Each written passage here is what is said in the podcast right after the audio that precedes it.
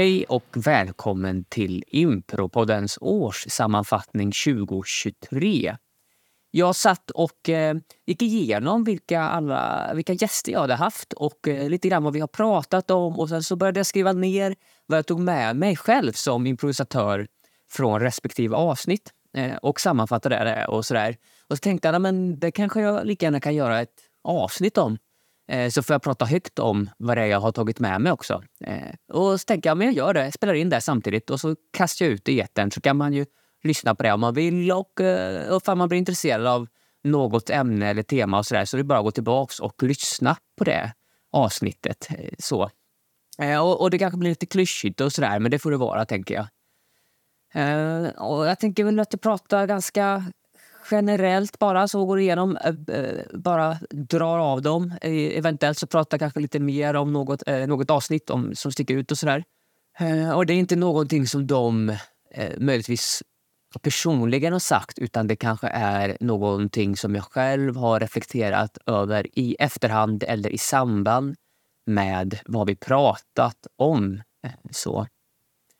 Och så vill jag bara understryka återigen syftet med den här podden och det är ju för mig själv att egentligen få prata impro med folk. Jag, eh, jag vet att innan jag eh, startade podden så brukade jag fråga folk ibland ifall vi, fan, vi borde ses någon gång och bara snacka impro. Och det blev av kanske en av fem gånger att vi faktiskt gjorde det.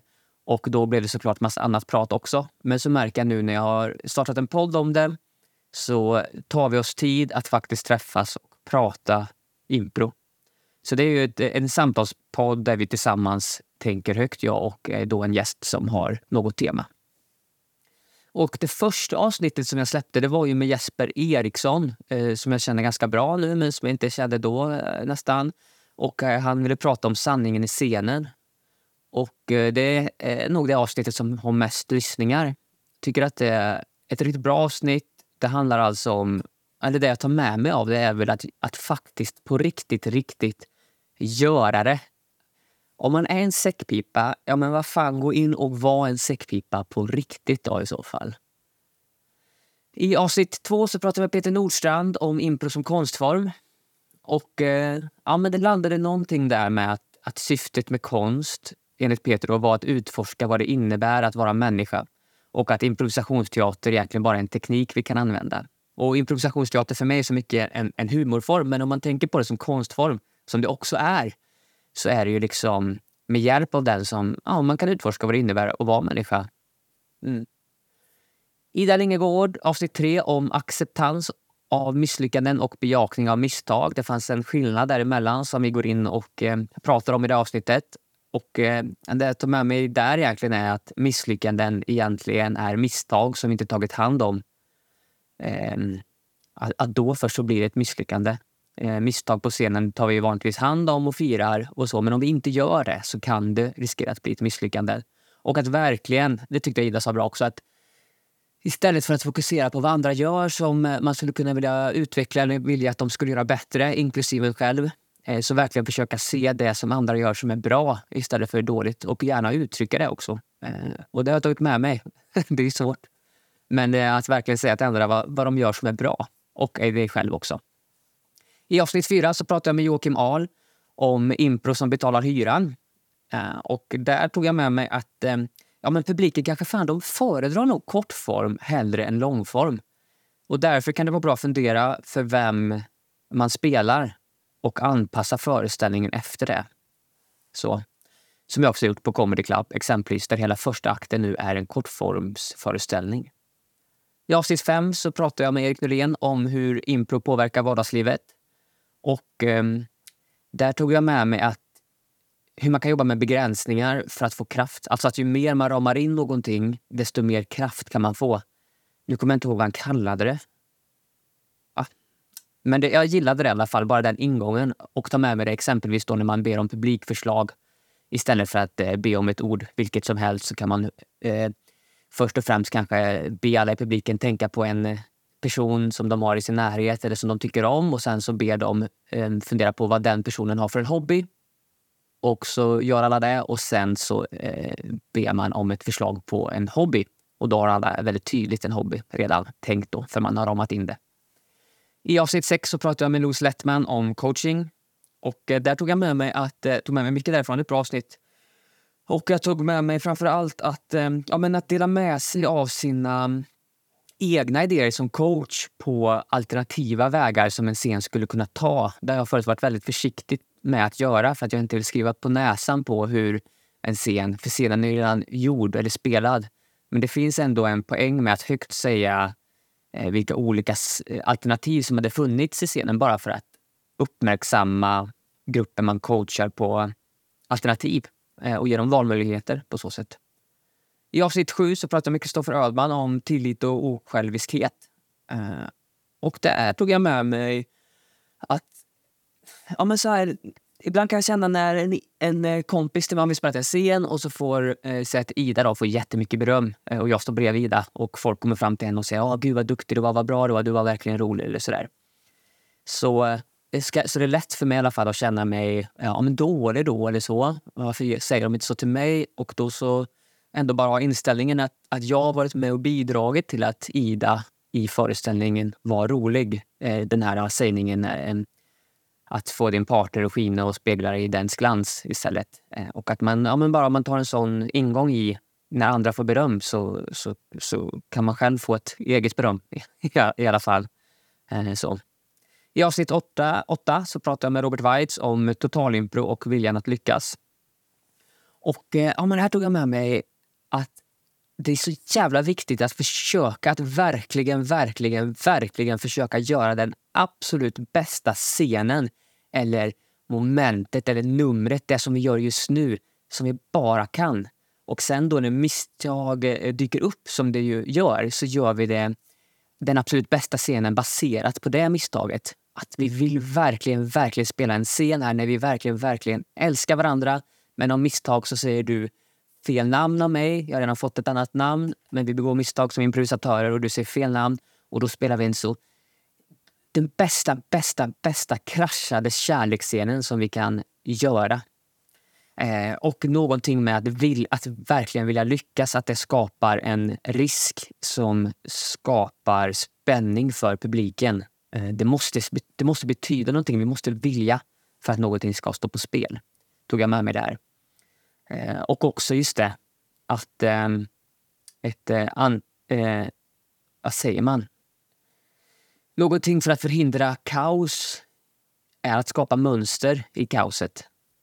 Om det, bara, om det är ett kaos, så upprepa vad du precis gjorde några gånger eller det som Ta ett steg ut, titta på vad som hänt och gör samma sak fast på ett annat sätt. Men skapa mönster i kaoset för att få ordning och få struktur. I avsnitt eh, 9 pratade pratar jag med Robin Thorén om vad är egentligen impro. Där tog jag med mig, jag hade en egen tanke om att friform, friform är friform. Det kan bli vad som helst, vad som vad som helst. Men eh, med Robin tog jag med mig ingången att en friform kan betyda att formen får finna sig själv och att man då spelar den form som verkar, verkar utveckla sig i föreställningen. Alltså, okej, okay, nu verkar nu har vi spelat i 20 minuter och vi verkar faktiskt spela på samma plats. Vi har inte bytt eh, faktisk plats än. Ja, men då kanske det verkar vara en månad in vi, vi spelar. Eh, och sen kanske man får lust att göra eh, en liten, ett klipp till eller någonting sådär. Ja, men då verkar vi kanske spela en Spokane här idag. Men att låta formen få finna sig själv på, eh, på något sätt i, i föreställningen. Eh, alltså, vad var det? Ja, men precis. Att vänta med att bestämma vad det är för kaka vi har bakat tills att vi smakar av och äter den. Pratar mycket om kakor i det avsnittet. Sen kommer eh, eh, poddens första engelska avsnitt och det är med Glenn Hall eh, som pratar om att vara i nuet. Och han sa också mycket bra olika saker där, men vad jag tar med mig framför allt är att ta det du gör på allvar och på riktigt, men ta inte dig själv för på stort allvar. Eh, det känner jag mig prickad av. Eh, det sistnämnda där framför allt. Ja, och sen så eh, pratade jag med han, just uttalar hans namn då, Gael, Gail, Gail Dornved Perry om improprofessionalism. Och då så sa han bra också att de flesta som är skeptiska mot impro är det av en bra anledning. De kanske har sett en dålig show eller hört något eller varit med på något prova på. Eller de har en erfarenhet av impro som gör att de är skeptiska mot det. Eh, och förmodligen är det en bra anledning varför de är det. Och då kan ju vi hjälpa till att eh, ändra det. Eh, så. Men att ändå ha med sig det. Och för att publiken ska känna att det är värt att se impro så måste vi bete oss på scen som att det är värt, värt det. Att vi står för vår impro. Att vi inte, att vi inte ursäktar vi inte ursäktar oss på scen, även scener som inte lyfter. Så vi ursäktar oss inte, utan vi får stå för det. Det finns någonting där. I avsnitt 12 så pratade jag med Imba Lori som för mig hade varit en sån... Det här var på Amsterdams eh, improfestival i mars förra året eh, som jag besökte. Eh, och hon var ju en sån person, eller improvisatör som jag hade hört så mycket om. Och eh, Hon var väldigt duktig, eh, hon var väldigt rolig och underhållande att se på och eh, skillad. Tog många risker på scen och så. Och eh, Hon pratade om radikal inkludering och skådespeleri. Och med radikal inkludering så menar hon att allt på scenen som händer, eh, eller att ha inst inställningen att allting som händer på scenen faktiskt händer på riktigt. Så uppmärksamma alla misstag, ingenting får glida under radarn utan allting som sker, det sker. Sen kan man ta val baserat på om det passar just nu att lyfta upp exempelvis att vi har eh, missuppfattat namnen eller vad det kan vara. Men uppmärksamma det, låt det inte bara glida under radarn utan du ska i alla fall veta om att det har hänt. Så, radikal inkludering. Och att skapa moments pratar om som vi sen kan casha in. Det har någonting att göra med att vara lite tålmodig i scenen. Eh, jag brukar själv vilja rättfärdiga ganska snabbt när någonting eh, skapas eller uppstår och sådär. Men att eh, ja, men, alltså, höja insatsen egentligen. Att vi bygger en stark kärleksrelation som sen får gå i kras istället för att börja med ett par som är slut direkt. Så vi bygger någonting som vi sen cashar in. Eh, så. Avsnitt 13 med Tom Hill, också på engelska, som pratade om eh, the pre-show, alltså det som händer innan föreställningen egentligen. Och där tar jag med mig att föreställningen egentligen redan börjar första gången man får höra talas om den. Eh, eller att eh, när man går in på hemsidan för att köpa biljetter. I avsnitt 14 så pratar jag med Tamara om att göra begränsningar till fördelar. Och det jag tog med mig där tyckte jag också det var ett fint avsnitt. Eh, Tamara tycker jag är så sårbar i det avsnittet. Eh, så, och, eh, det handlar också om att våga vara sårbar för publiken. Och att eh, vilja ta risker och ett steg ut i det okända på riktigt. För det är också där som publiken relaterar till oss. Alla känner igen den känslan, alla vet hur det är. Så alla tycker det är så skönt när man står för, för, för det och äger det oavsett hur det går också. I avsnitt 15 så pratar jag med Jens Nordberg om att använda impro i arbetet. Jens jobbar ju mycket med att eh, jobba med innovation, eh, innovationsprocesser och att leda grupper och då använder han många improtekniker. Och där tar jag med mig bland annat vikten av ett ja och mikrobeteende. Alltså ett mikrobeteende som ett litet beteende. Att hela tiden faktiskt på riktigt bara stå och nicka och tänka ja, ja, ja när jag hör vad den andra säger. Det är någonting som jag personligen har försökt ha med mig när jag improviserat efter det avsnittet. Eh, alltså att jag kommer på mig själv med att just det, nej men här behöver jag verkligen, för det här stämmer så... Eh, det är åt ett helt annat håll än vad jag själv har tänkt att scenen ska gå. Så att jag, då behöver jag ah, stå och nicka, faktiskt stå och nicka. Nej, så. Och sen så pratar han om fabula och sujet, alltså eh, skilja på vad vi berättar, innehållet, och hur vi berättar det att huvudet är väldigt eh, såklart viktigt. Eh, så.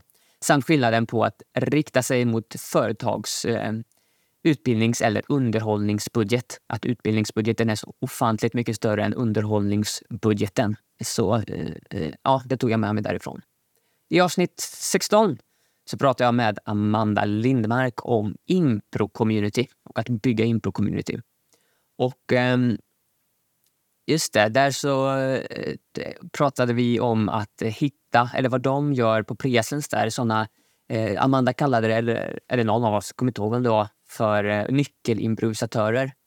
Eh, och med det menas då alltså kursare som verkar vilja väldigt mycket. Hur, Alltså de vill göra impro, eh, som jag kan känna igen mig själv i. Att när jag, var, när jag började med impro så ville jag, ville jag, ville jag göra impro, men jag hade inget utrymme för att göra det. Så hur kan man skapa utrymme för att deras intresse, improintresse ska få växa? Eh, så. I avsnitt 17 så pratar jag med Stina Eriksson om inspiration i scenen. Som jag också gillar att, att du har ett eget ansvar för att eh, roa dig själv på scenen. Att göra vad du tycker är kul och är inspirerad av. Och att det finns någonting i det också då att ja, men fundera på vad du tycker är kul då. Och sen ta aktiva val mot att spela eh, mot det. Att det, I impro så har vi ju den här sägningen att få din partner att se bra ut och att man ska släppa sin egen idé och, och sådär. Men det finns någonting också att Nej men vad fan, håll kvar i det som du själv tycker. I alla fall om det är en scen som du inte tycker är lustfylld att spela. Så se om du kan hitta någonting som du själv tycker är lustfyllt att spela i. För det är konstigt om vi inte hittar in i lusten i scener. Eh, så.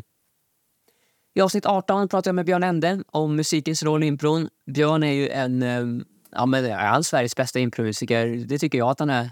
Han, eh, och som person är han ju extremt härlig. Han eh, Uh, ja, men, oh, det var också det jag tog med eh, i mötet faktiskt med honom. I, lite grann om musik, men framför allt vikten av att ha bara en, en positiv, varm och välkomnande känsla innan föreställning eller på scenen. Såklart generellt, men det är så viktigt.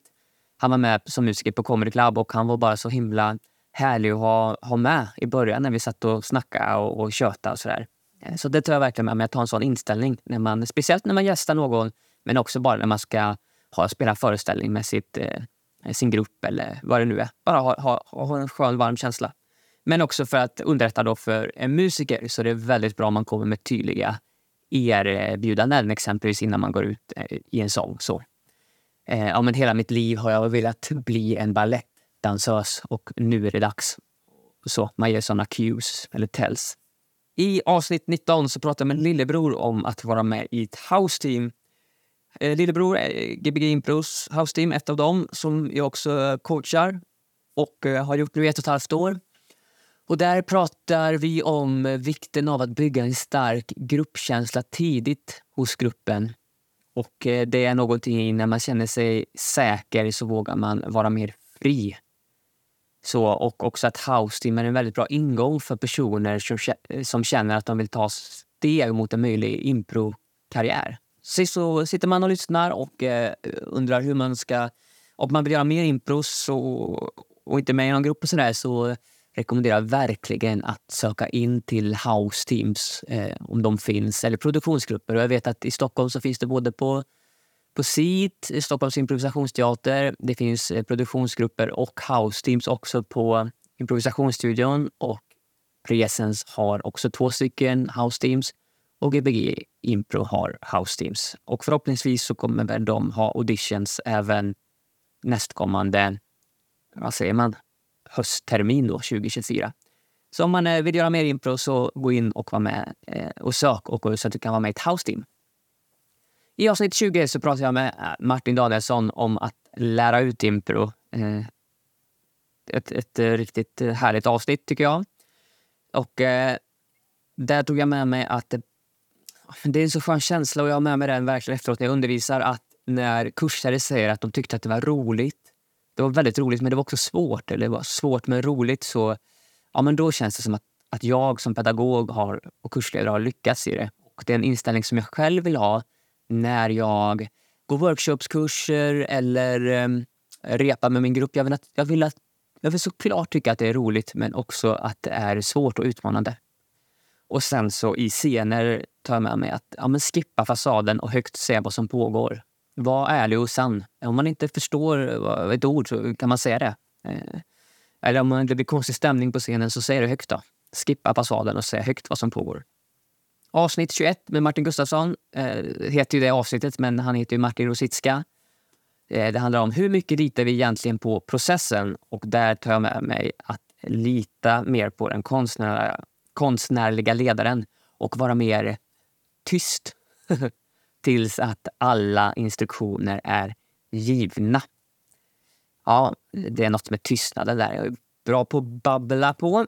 I avsnitt 22 så pratar jag med Tony Johansson om impro som humorform. Och det går, rimmar väl lite i samma där. Att jag, ja, men ta med mig att säga samma sak som jag vill få sagt, men med färre ord och att formulera det man tycker är kul mer effektivt. Alltså, vad är det som är kul här egentligen? Hur kan jag sammanfatta det? Och därför också vikten av ordval. Att eh, det, det, de är roliga. Det är roligt att tänka på hur man säger saker. Um, eller egentligen vad man säger, eh, innehållet. Mm, på samma sätt som huret.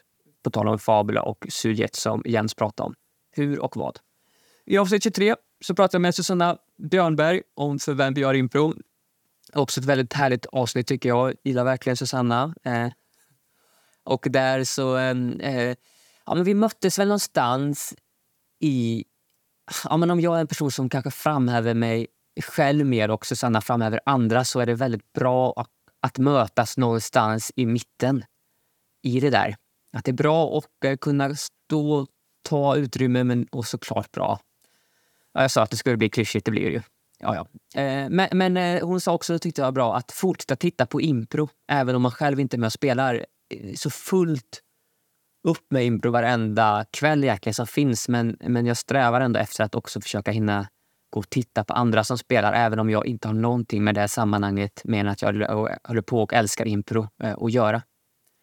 Eh, så. Och sen så en slags medvetenhet om, pratade vi om, alltså att det som skiljer åt hur duktiga improvisatörer är eller hur skickliga de är, det är väldigt mycket beroende på hur mycket de har övat.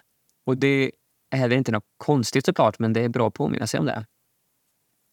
I avsnitt 24 så pratar jag med John Pekari om nyfikenhet och upptäckande. Eh, det var också ett härligt avsnitt och eh, vi satt på ett café och spelade in, kommer jag ihåg. Det skulle precis bli vår och sådär. Eh, och där tog jag med mig att lita på, på Johns uttryck som är att rycket i röda, alltså lita på impulsen du får. Och det värsta som händer är att det inte blir som den andra eller ni andra har tänkt. Så. Men också hypernyfikenhet och ett slags hypertolkande av eh, det som händer på scenen. Att egentligen se att allt som händer på scenen är erbjudanden. Eh, så. Och det stora språnget är insikten om att våga leka på scenen. Det gillar jag också mycket. I avsnitt 25 så pratade jag med en kreativitetsforskare. Eh, ett digitalt avsnitt var det, som heter Samuel West. Han var både amerikan, islänning och bodde i Lund och pratade svenska. Så avsnittet är på, på svenska och han har en väldigt härlig röst, tycker jag. Eh, han pratar i alla fall, han har forskat på, liksom, på lek och har gjort det då eh, med hjälp av improvisationsteatern ja, varit med, haft improvisationsteater som interventioner till olika arbetsgrupper egentligen. Eh, också, eh, den forskningen tyder ju då på att det visst ökar kreativitet och allt sånt där. Eh, det sa han en grej som förvånade mig och det var att, eh, eh, som jag inte trott att det är, att, men att vi alla har, vi är olika primade för eh, hur kreativa vi är. Att vi har olika lätt för att vara kreativa i grunden. Det är inte någonting vi lär oss. Eh, så. Det är det också såklart, men det är också jag har trott att det bara är någonting som vi lär oss, att alla är samma. Men det har också en, ja, men en nedärvd, det verkar ha, ha något nedärvt i sig också. Men vad är lek då? Det är inte regler det är, utan han hade fem olika parametrar som jag inte kommer ihåg nu. Men får man lyssna på det avsnittet i så fall, men, eller läsa hans forskningsrapport. Han pratar i alla fall om att lek är en inställning och inte en aktivitet. Så. Så det är en inställning och inte en aktivitet. Och Då kan man förhålla sig lekfullt till vad som helst. Man kan spela fotboll på ett lekfullt sätt och man kan spela det på ett icke-lekfullt sätt. Eh, så man kan eh, spela impro på ett lekfullt sätt eller på ett icke-lekfullt sätt. Och på tal om det där med kreativitet också, att även om vi har olika förutsättningar för det så är det visst någonting vi kan träna upp. Det är ju självklart så. I avsnitt 26 så pratade jag med Helena Lindegren om att vara nybörjare på nytt. Och vi satt också på ett café och det var innan hon var med på Improvision, på Gbg Impros, eh, Improvision. Eh, så.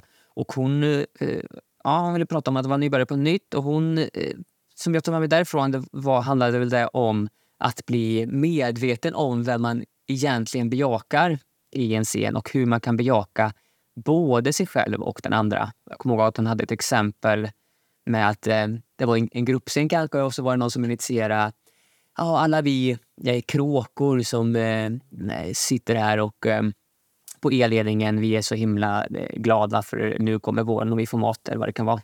Om man inte har lust att vara en kråka då, eh, så som den andra kråkan är, så ja, men kan du vara en kråka på ett sätt som du tycker känns eh, lustfyllt? Kan det vara en skade en, en liten skadad kråka som kanske hade lite, har lite fel på högra vingen. Eh, så. Eh, och, ja, det var bara en ingång för mig själv. Att jag kan känna att ja, men, om jag har en sån ingång att jag, att jag får lämna utrymme i mig själv. Det, det påminner om avsnitt 17 med Stina tycker jag. Alltså att jag själv tillåter mig att vara inspirerad i scenen. Även om jag inte initialt går igång på den andras erbjudande. Eh, så.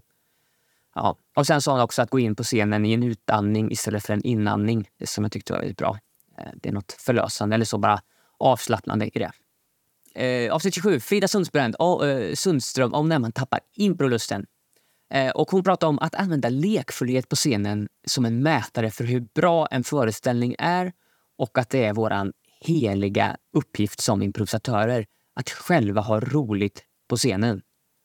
Och bara känslan eller uttrycket då att få det att glittra hos sin medimprovisatör. Jag tycker det är så fint att få det att glittra. Och på det då, jag sa ju i början också att det här är liksom reflektioner på pratet vi haft, så finns det också någonting att, att vi ska jag håller verkligen med om att det, det är vår hela uppgift att vi har roligt på scenen. Jag vill se improvisatörer som har kul. Jag vill inte se improvisatörer som hela tiden korpsar eller eh, bryter, alltså att de står och skrattar hela tiden. Eh, så, så att man inte snuvar publiken. Det är fortfarande en föreställning.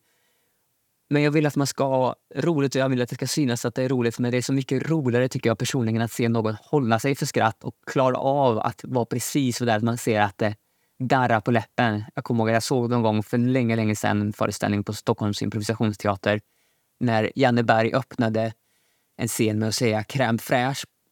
Crème fraîche, jag har handlat crème fraîche. Och sen så blev det en så rolig stämning och man såg att, att Bergs underläpp darrade, att han ville skratta men han höll sig. Och det var jätteroligt att titta på själv, så det har jag tagit med mig därifrån.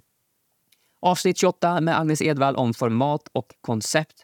Och det tar jag med mig, eh, som Agnes pratar om vanligt också, ofta när man eh, är med henne, eh, som jag tycker är väldigt bra. Och det är att spela relationen istället för att se den. Och att våga vara mer fysiska med varandra på scenen. Men därför också vikten av att värma upp det eller att träna på det. Att träna att spela fysiska scener. Ligga i varandras knä och pilla i håret eller bara kramas. När man eh, gör en walk-on eller sådär. Det är aldrig man, eller det är väldigt sällan jag ser att någon blir kramad på scenen när den kommer in på eh, på scenen genom en dörr exempelvis. Det, det klassiska att man knackar in sig för att göra en walk-on. Men hur bemöter man egentligen varandra och spelar relationen istället för det? Men därför också att värma upp rätt muskler för ändamålet. Så om man ska spela ett energiskt format, ja men värma upp eh, genom att spela mer energiskt i uppvärmningen. Om man ska spela ett mer grundat format, eh, realistiskt, ja men värma upp på det sättet och kanske mer ögonkontakt, eh, göra någon typ av komövning och så vidare. I avsnitt 29 så pratar jag med Sandra Johansson om självförtroende och självkänsla av och på scenen.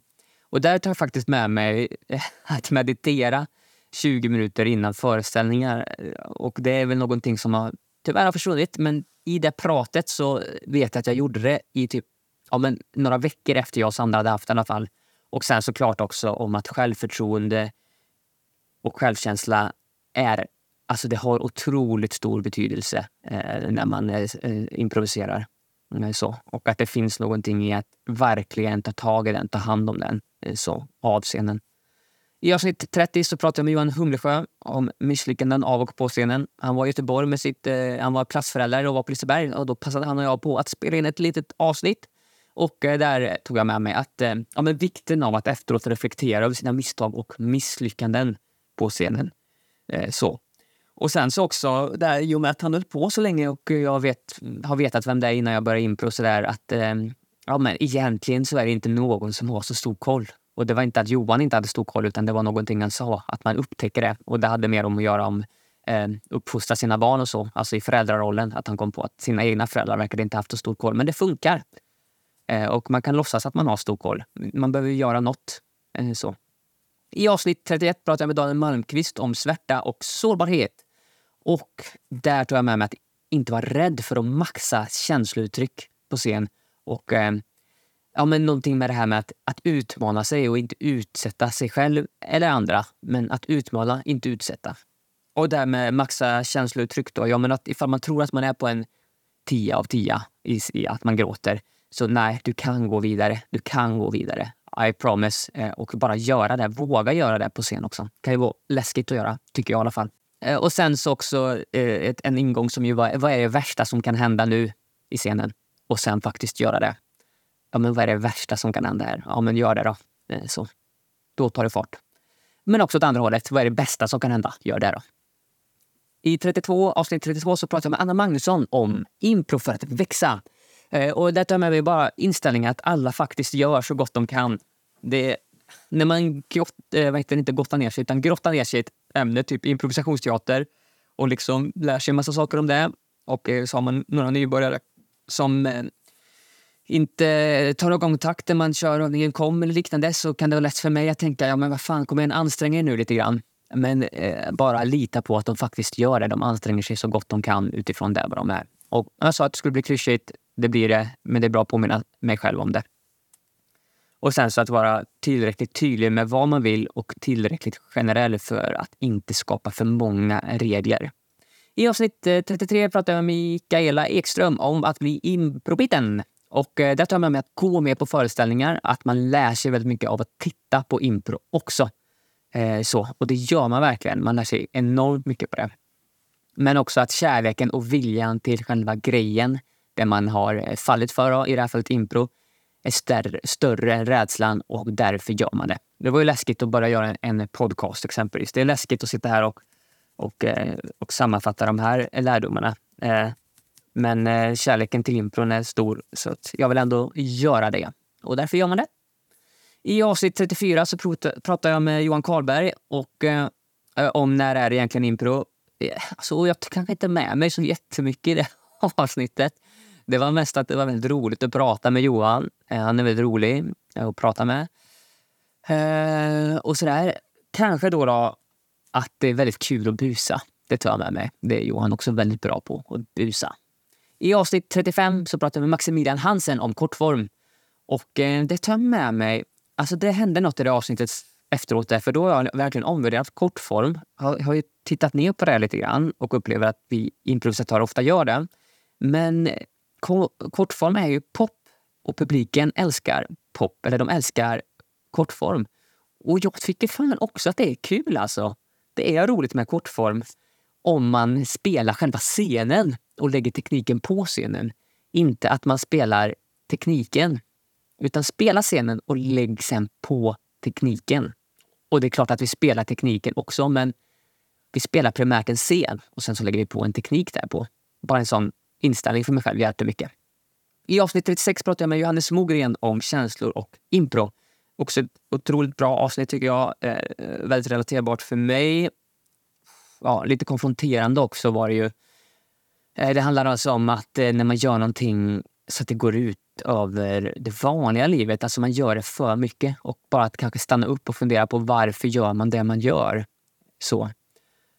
Alltså, eh, fortsätt gärna göra impro, men kom ihåg att värna om relationer och det vanliga livet. Det är ju uh, inget konstigt såklart, men det är lätt för mig själv i alla fall att gå vilse i det här med impro, eftersom det är så himla roligt. Men också att eh, om eh, något inte funkar så prova och göra något annorlunda. Då. Så. I avsnitt 37 pratade jag med Stefan Andersson om att driva improprojekt. Och eh, det tog jag med mig att förbereda det man faktiskt kan förbereda, exempelvis eh, konferenserskapet, eh, presentationen, sådär. Så förbered det då. Det kan du ju faktiskt förbereda. Hur ska ni presentera och så. Och sen så att applicera något redan känt för publiken på någonting okänt. Impro är okänt, sport är känt. Hur kan vi rama in en improföreställning som en sportföreställning? Två lag, alltså teatersport eller comedy sports som finns i USA och Europa också, har ju verkligen lyckats med det. Och det gör att ny impropublik verkligen kan ta till sig impro. Det är så. I avsnitt 38 pratade vi med Bill Arnett om, eh, ja, vi pratade ju inte om det direkt, men impro efter covid. Eh, så. Han tog med sig, han, Bill är ju, han har skrivit en jättebra bok också, som jag inte kommer ihåg vad den heter nu. Men eh, han pratar om att, att setting up for success, alltså ha att innan eh, förbereda sig för att göra eh, succé. Då. Att ha en gemensam modell för vad och hur vi imprar. Han eh, tog exempel mellan en, en väldigt rolig grupp som heter Cook County Social Club som spelar väldigt högenergiskt och stora eh, karaktärer, häftiga övergångar, mycket energi och TJ och Dave som spelar mer lågmält, det är bara de två och sådär. Eh, och att eh, man skulle reagera det är så himla olika spelstilar och då är det väldigt bra att vara överens om vad är grunden i spelstilen. Vad är grunden liksom? Sen sa han också, ta ett val, gör det, gör det mer och sen kan du komma på varför du tog valet. Men gör något och sen kan du fundera på varför du gjorde som du gjorde. Han pratade också om att eh, spela på reglerna som vi som improvisatörer och som publiken redan vet. Och de reglerna det är alltså sociala regler i meningen av att pratar du högt i ett bibliotek så bryter det mot vad man brukar göra. Men det finns redan någonting som vi alla känner igen i det. Så skapa relaterbara scener egentligen. Så inte bara för improvisatörer. Och sen så pratar han om att vara karaktären och inte improvisatören. Som jag också tyckte var väldigt bra. Och jag hade ett jam med honom. Och då så gjorde vi en sån här ja, med 3D game move så det blev som en punch och så kom det inget svep. Han svepte inte scenen. Han drog inte scenen liksom. Och då så blev både jag och min medimprovisatör så ställda. Så vi var så himla tydligt att vi var improvisatörer istället för karaktärerna. Om vi hade varit karaktärerna, vi stod och väntade på en buss eh, eller någonting sånt där, då hade vi stått och fortsatt bara vara i scenen. Så det tar jag verkligen med mig från Bill Arnett. I avsnitt 39 pratar jag med Benji Cooksey om comedy sports. Och eh, ja, men det tar jag med mig att man inte är eh, verkligen, du är inte någonting själv utan det är du tillsammans med dina vänner och din grupp som är grejen. Och eh, ja, så relaterbart för mig exempelvis med Blink, att det, det man vill se där, det är absolut inte Hjalmar och det är inte eh, Arbe eller Ida eller Roman eller Boelund, utan det är, det är Blink, det är gruppen. Man vill se samma, eh, vad heter det, samarbetet på scenen. Man vill se den här gruppen spela. Och det är det som är. Och sen så eh, tar jag med mig därifrån att skapa sammanhang där folk vill vara. Att man påverkar kulturen såklart och att man kan bygga en sån kultur. Han är väldigt bra på det. Var. I avsnitt 40 pratar jag med James Stugan om att göra intent, alltså impro intensivt eller så under en kortare stund, men väldigt intensivt. Det här var under sommaren när jag var på Improv Olympic med Boel och Ida. Och eh, där tar jag med mig att lärdomen är bäst när den kommer ifrån dig själv. Eh, så att jag har försökt bli bättre på att lämna utrymme så att eleverna själva kan göra lärdomen istället för att det är jag som står och berättar lärdomen. Eh, så. Och sen så såklart vikten av att vara självsäker, bekväm och att ha tålamod på scenen. Och att eh, tillåta dig vara i det okända men inte glömma bort vad som redan har hänt. Också bra. I avsnitt 41 pratar jag med Andrew Lemna om att eh, driva en liten eh, teater, improteater. Han drev en teater som heter Logan Square Impro, som jag blev lite förälskad i.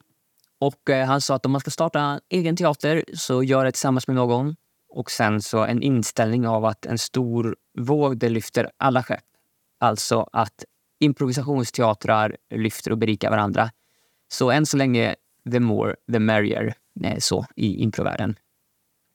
Och sen så eh, hur man kan se själva föreställningen.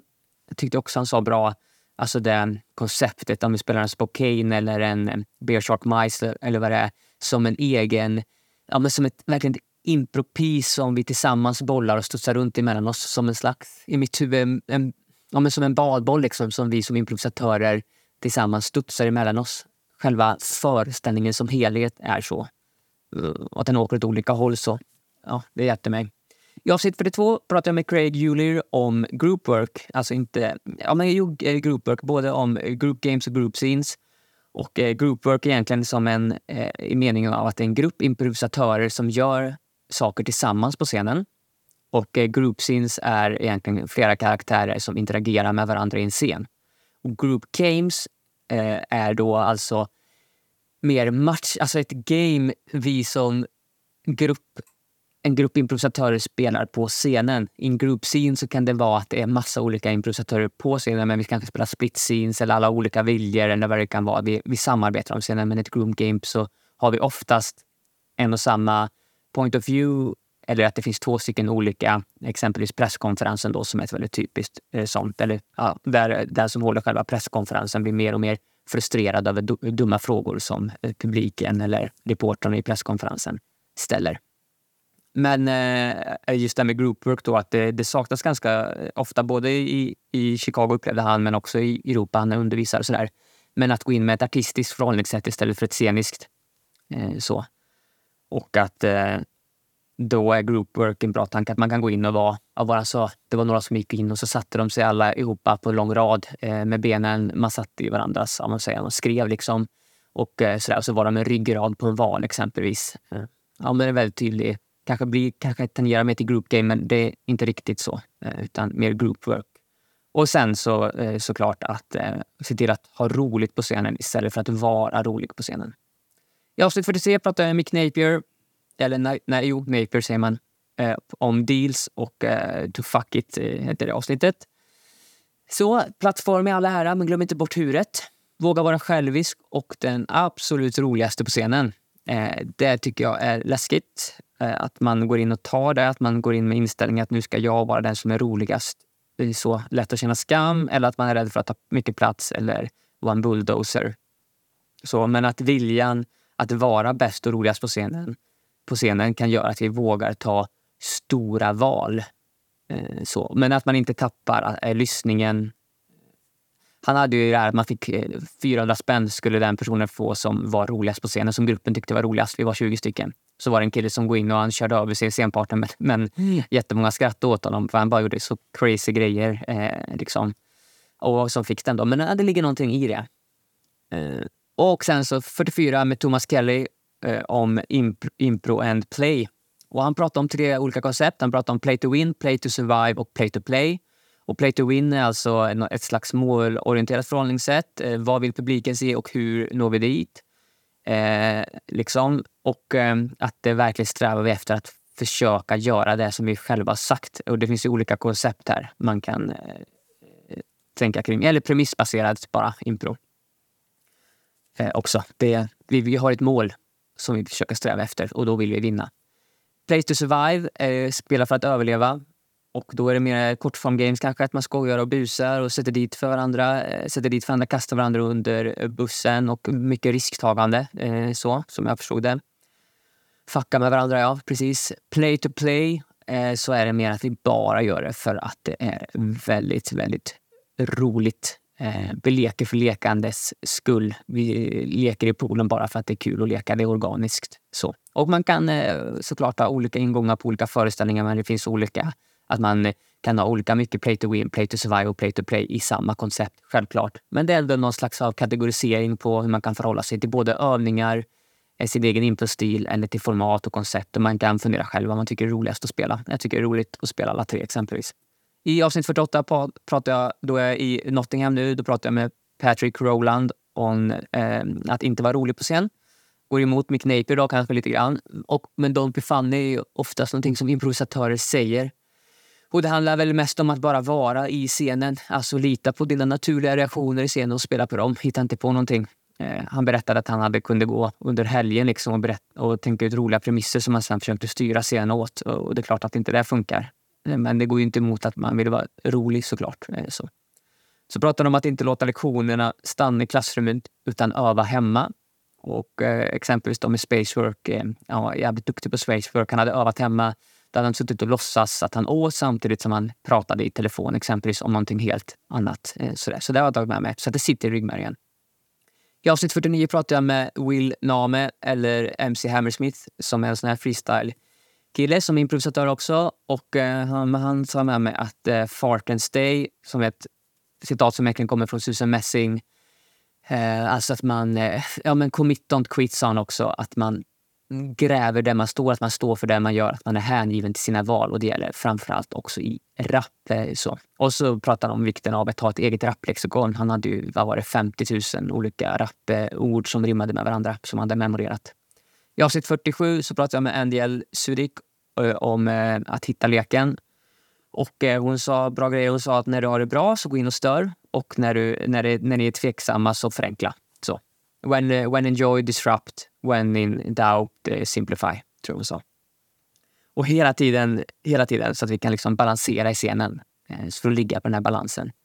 Och eh, hitta stunden, ja. Eller stunder av upptäckande och glädje. Delight and uh, discover. Uh, moments of delight and discover. I avsnitt 48 pratade jag med Lloyd James Lloyd eh, om skratt som byproduct. Så, och, eh, han sa, han har gått runt på så här många olika skolor. Han bor i Nottingham och var den festivalen. Och han sa att eh, om du spelar Game of the Scene så glöm framför allt, eller för tusan inte bort, även hjärtat. Så, alltså det vill säga relationen och att bry dig om vad som händer i scenen, tolkar jag det som. Det var ett väldigt kort avsnitt. 20 minuter tror jag bara. I avsnitt 49 pratade jag med Per Sandberg nu är vi tillbaka i det svenska språket igen, om impro för barn. Och eh, där tog jag med mig att det kan vara svårt att släppa sin idé på scenen eftersom att man själv lever sig in så mycket i scenen som är. Och det är kanske vad som händer för barn då när de vill gå in och bestämma och det är vad som kan hända för mig när jag har svårt att släppa min idé och det är att jag är så inne i det, eh, det som händer, att jag tappat det utifrån. Eller så är det också att jag bara är inne i min egen idé för att det är så. Men det kan vara på grund av att man lever sig in i scenen så mycket. I avsnitt 53, nej, i avsnitt 50 så pratar jag med Mikael Håkansson om att ta ansvar på scenen. Eh, ansvarsrollen i meningen att ha en övergripande koll och ett tankesätt av att gå in och styra upp kanske är dagen. Det kanske inte är något som andra förväntar sig. Det var verkligen en grej som jag tog med mig. Det är ingen som någonsin har sagt till mig att den tänker att jag ska göra så. Även om jag som person och improvisatör ofta upplever att jag går in och har en sån funktion att jag styr upp eller sådär. Men att det kan bli väldigt... Eh, det tar mycket plats, det tar sig åt en riktning som jag själv har bestämt. Eh, så. så det vill jag verkligen bli bättre på att släppa. Men även då efter en föreställning, om jag undrar var, varför en annan improvisatör tog ett val som den gjorde, så kan jag fråga det. Eh, utan att ha inställningen av att det var ett dåligt val, utan verkligen vara nyfiken på hur kommer det sig att du tog det valet. Och snarare inställning av att, alltså på riktigt, vad, är, vad var idén? Vad var intentionen? Och intentionen, i idén kanske bara var att, att det inte fanns någon utan att det behövde hända något bara. Så där fick jag in. Men inte vara rädd för att fråga det. Avsnitt 51 sen så pratade jag med Irene Almén om att släppa improsnuttefilten. Och där tog jag med mig om eh, hur man kan undervisa nivå 2 eller fortsättningskurser för att balansera just det här med lust och lärande. Lite som jag och Martin Danielsson var inne på. Alltså vad... För man tycker det är så jävla kul i steg ett och sen så när man eh, går och fortsätter på steg två så eh, börjar man förstå att det finns mer inom impro att lära. Man börjar djupdyka lite grann. Och då så tycker man att det blir svårt och då tycker man inte att det inte är lika kul och så vill man sluta. Så hur kan man balansera det där? Och samma som med Robert sa, att vilja lyckas 200 procent men att inte göra någonting när vi misslyckas. Tog jag också med mig med I avsnitt 52 sitter jag och rapar lite där. I avsnitt 52 med Lotta Malmhäster om impro och att skriva eh, så tog jag med mig att schemalägga så att det blir av. Eh, till och med schemalägga skriva på julafton. Hon, hon har skrivit en, bok som heter Sprucket ansikte och eh, hur bara den skrivprocessen gick till. Men att schemalägga så att det blir av till och med på julafton. Eh, så. Och det ligger någonting i att ha det här grit, liksom att göra, fortsätta göra. Eh, och samma som med Susanna, liksom att ja, men eh, erfarenhet, det som skiljer oss är erfarenhet, hur mycket vi har gjort det, tid, timmar. Och sen att börja se med spacework och göra det man gör på riktigt då. Så om jag dricker en kopp kaffe så kanske blåsa lite för att den är varm och sen, eh, dricka, och sen faktiskt svälja kaffet exempelvis. I avsnitt 53 med Micke Blomqvist om impro som något lätt eller svårt Också ett väldigt härligt och roligt avsnitt. Och, eh, ja, men att, eh, eh, och samma där med erfarenhet på något sätt. Att sentimmar leder till att man blir mer bekväm och trivs på scenen utan att det behöver hända någonting. Och det var väl det som mycket det handlade om. Att, att handlar om att vara bekväm på scenen. Eh, och att erfarenhet också kan leda till att man kan klara av att hålla på sina idéer och sen släppa dem eller tajma dem när, de, när man ska säga dem. Så. Och det är någonting som jag tar med mig. att ja, men det, hoppas jag att jag kommer komma till någon gång när jag inte känner ett behov av att säga det jag vill få sagt. Eh, för jag vet att jag kommer få skratt på det. Utan det kanske inte passar nu. Eh, utan det kanske passar sen. Eh, så. Mm. Men också att anpassa spelstil efter format. Efter att jag och Micke hade spelat in det avsnittet så spelade vi en föreställning tillsammans och då hade vi pratat om att liksom vara lite så TJ Dave-ingång av det och bara vara i scenen och se vad som händer och vad är på riktigt. Men så spelade vi kortform så då lyfte det inte riktigt tyckte vi. Så att det tar jag verkligen med mig. att Om man ska spela kortform, spela scenen och lägg tekniken på, som Maximilian sa. Men för fan, spela också tekniken och gå in med energier och gör en show av det. Det är det som publiken vill se där. Så det tar jag med mig efter mitt och Mickes snack. Avsnitt 54 med Bortas Josefin Andersson om clown och impro. Så, eh, det är hon som är i Stunk, då, 1, 2, 3 Stunk och som jag haft som lärare. Jag har gått den här clownkursen den här terminen.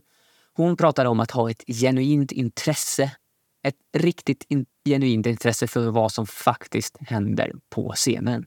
Också i livet, men framför allt på scenen. Alltså på riktigt vara nyfiken. Vad är det där? Även om man har sett det sina egna händer. Vad är det för konstiga grejer om man tittar ner på dem? Egentligen, de är så himla konstiga om man tänker efter. Och bara ha det eh, så. Och sen så att slipa i teorin men att göra i praktiken. Och det finns också något i cloud som är väldigt tilltalande med det här med att isolera och träna på specifika regler. Och sen så spelar vi och har roligt, men att bara isolera och träna. Det gillar jag verkligen. Och sen så någonting som impro kan lära av clown är att ta in hela publiken. Man är väldigt noga med clown att titta från vänster till höger så att alla känner sig inkluderade. Och eventuellt till och med även spela på mer på publiken. Interagera dem, interagera dem eh, vad säger man, integrera dem ännu mer i föreställningen. Vi brukar ta startord och sen så är det slut. Men att man skulle kunna få med dem ännu mer som clown gör. I avsnitt 55 så pratade jag med eh, David Pasquisi om being real, alltså att vara på riktigt på scenen. Eh, jag gick en eh, eh, helgworkshop med honom på SIT och, eh, och sen så också pratade vi digitalt. Han bor i Italien eh, ett, ett, sådär, halvåret. Och eh, ja, men, eh, att, att, vara medveten om att säga saker som får skratt oftast sker på bekostnad av verkligheten, av scenen eller på min scenpartner. Men inte alltid. Men jag upplever faktiskt ofta att det är så att varför man får skratt är ju för att man säger eller gör någonting som bryter mot den etablerade verkligheten. Det är allting. Game of the Scene bygger ju på det. Eh, the first unusual thing. Men att man liksom... Ja, när får man skratt egentligen? Och är det på bekostnad av att man sätter dit... Det kan ju verkligen vara med play to survive för att det är kul exempelvis. Men det är det som jag menade på när jag pratade om det här med Micke, att jag vill bli bättre på att jag vet att det jag kommer säga det här nu, det kommer få skratt, men det sker på bekostnad av scenen. Så är det verkligen läge. Om jag väntar lite med det så kanske jag kan säga det sen, att det kommer få skratt, men det kommer inte ske på bekostnad av verkligheten. Så. Och det tar jag med mig, verkligen. Men också att, att bara lyssna och uppmärksamma det som redan sker istället för att hitta på. Återigen, lite som John pratade om avsnitt 23, eller, eller vad det var, om att ha typfokus och typ ett hypertolkande på vad som redan är. Allting är erbjudanden i scenen. Då behöver man inte hitta på någonting. Då behöver inte konstruera något. Så. Och i avsnitt 56 som släpptes samtidigt som det här med Therese Hörnqvist om improns plats i scenkonsten så tar jag med mig om att våga ta valet i scenen. Våga gå ut och sjunga den här sången. Våga göra de där konstiga dansmovesen. Våga eh, uh, lita på rycket i, i röven som John skulle sagt exempelvis. Eh, så. Men också att stanna upp och vara tacksam över var man är just nu i sin egen improresa. Det är så jävla lätt, för mig i alla fall, att um, eftersom det bara tuffar på, det bara kör, kör, kör. Så ja, men stanna upp. Var det egentligen för, för förra året? Då? vad var det för två år sedan? Tre år sedan och, och sådär. Uh, ja, men var börjar man och var är man nu? Och igen, hur mycket har man egentligen utvecklats? Och det kan vi nog alla tänka att det är en, en himla massa olika saker. Uh, eller att man har gjort det väldigt mycket i alla fall. Sådär. Sammanfattning då, främsta takeaways är att, eh, eh, att, att det är jävligt viktigt att själv ha roligt på scenen. Så, och då kan man använda sig... Ja, men det är otroligt. Det är våran, som Frida sa, våran, det är vår jäkla heliga uppgift alltså att ha det. Ha roligt. Vi kan vi blir som en narr, medeltida narr, liksom, att publiken får ventilera sina egna impulser eller liksom förlösande kraft genom oss. Men då måste för fan vi ha kul. Det är fan primärt. Alltså. Och det kan man, om man inte tycker att det är kul i sig så kan man hitta olika ingångar där. Man kan behandla allting som erbjudanden. Man kan eh, se till att inspirera sig själv som både Helena och Stina pratade om. Så tar jag med mig. Sen eh, tar jag med mig att eh, vara mer tyst. Eh, så. för fan Hjalmar. Håll käften, snacka inte så mycket. Eh, så det ska, det ska jag Eh, och kanske inte säga så, då, utan jag ska säga mer till mig själv. Ja, men eh, det var bra Hjalmar att du kan prata mycket. Du kan babbla på om det behövs. Träna på att vara tyst. Det behöver du träna på. Säg samma sak men med färre ord. Det vill jag träna på. Och i det också att vara mer tålmodig och då självklart att lyssna mer. Lyssna mer. Var tå tålmodig. Säg det inte när du vet att du kan få skratt eller någonting behöver rättfärdigas utan ja, var, to var tålmodig verkligen. Och ett mindset av att tänka mer vi än jag. Att vi gör det här, vi gör det här. Det som i början, så varför jag lockades till impro var ju det här teamarbetet och samarbetet. Och som fortfarande finns här starkt, men det har blivit så mycket också att, man, att det är så mycket jag i föreställningar. Och jag vill ha mer, jag vill tillbaks till vi, vi, vi, vi. vi. Eh, så om det, om det krävs på en scen att jag inte behöver gå på en enda gång så, så ska jag inte göra det då. Liksom. Nu går jag ju på ibland för att jag, nu har inte jag varit på på ett tag, så nu vill jag gå på. Och jag vill göra det ännu mer. Jag vill slänga mig på granaten. Eh, så. Och sen det här eh, såklart att verkligen, verkligen, verkligen sträva efter att göra en så jävla bra improföreställning eller impronummer eller improscen som vi gör just nu som jag bara kan. med inställningen och förhållandet att inte göra någonting när det blir misstag.